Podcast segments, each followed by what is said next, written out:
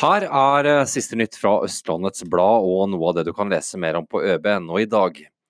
En kvinnelig sjåfør i 20-årene ble stanset på E6 ved Taraldrud tirsdag formiddag.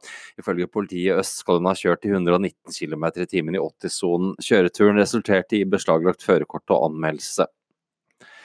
En ryggskade tok knekken på løpekarrieren til Sjur Bårdsen. Nå står han klar til å overta stafettpinnen som rektor på Universitetet i Ås. I 2017 delte Ski kommune ut brosjyrer om veisikkerhet og alvoret bak å ikke klippe hekkene. Ett år senere er det fortsatt ingen konsekvenser for beboere som ikke holder hekker og busker ved like. Og det er akkurat nå flere hekker som står på listen over dem som burde vært klippet i kommunen. Se også hva som er gjeldende regelverk lenger i eh, saken, om du leser den i sin helhet på øb.no i dag. Fra hekk til politikk. Monica Lysebo innstilles som rådmann i Oppegård og kan bli Lars Henrik Bøhlers etterfølger. Tilbake til Ski. Åtte måneder etter at råbiten i Ski åpnet dørene, er drivere og kokker sultne på mer. Nå planlegges utvidelse av menyen og uteservering.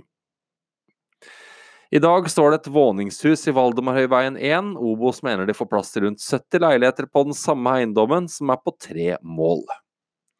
Streetfood vokser i Norge, og flere mennesker har kastet seg på trenden. Du kan få møte grekerne fra Tårnåsen som selger gresk mat fra en foodtruck på Aker Brygge i Øbe i dag. Politiet mener de har kommet et godt stykke videre i etterforskningen av brannen på familiens hus i Enebakk natt til andre påskedag. Siktelsene opprettholdes, og nå har politiet brammet nye avhør. Og til slutt en liten advarsel. Ved en ren tilfeldighet avdekket Jarle at han hadde blitt svindlet for 30 000 kroner søndag kveld. 38 ganger ble kontoen hans strukket for tjenester på iTunes.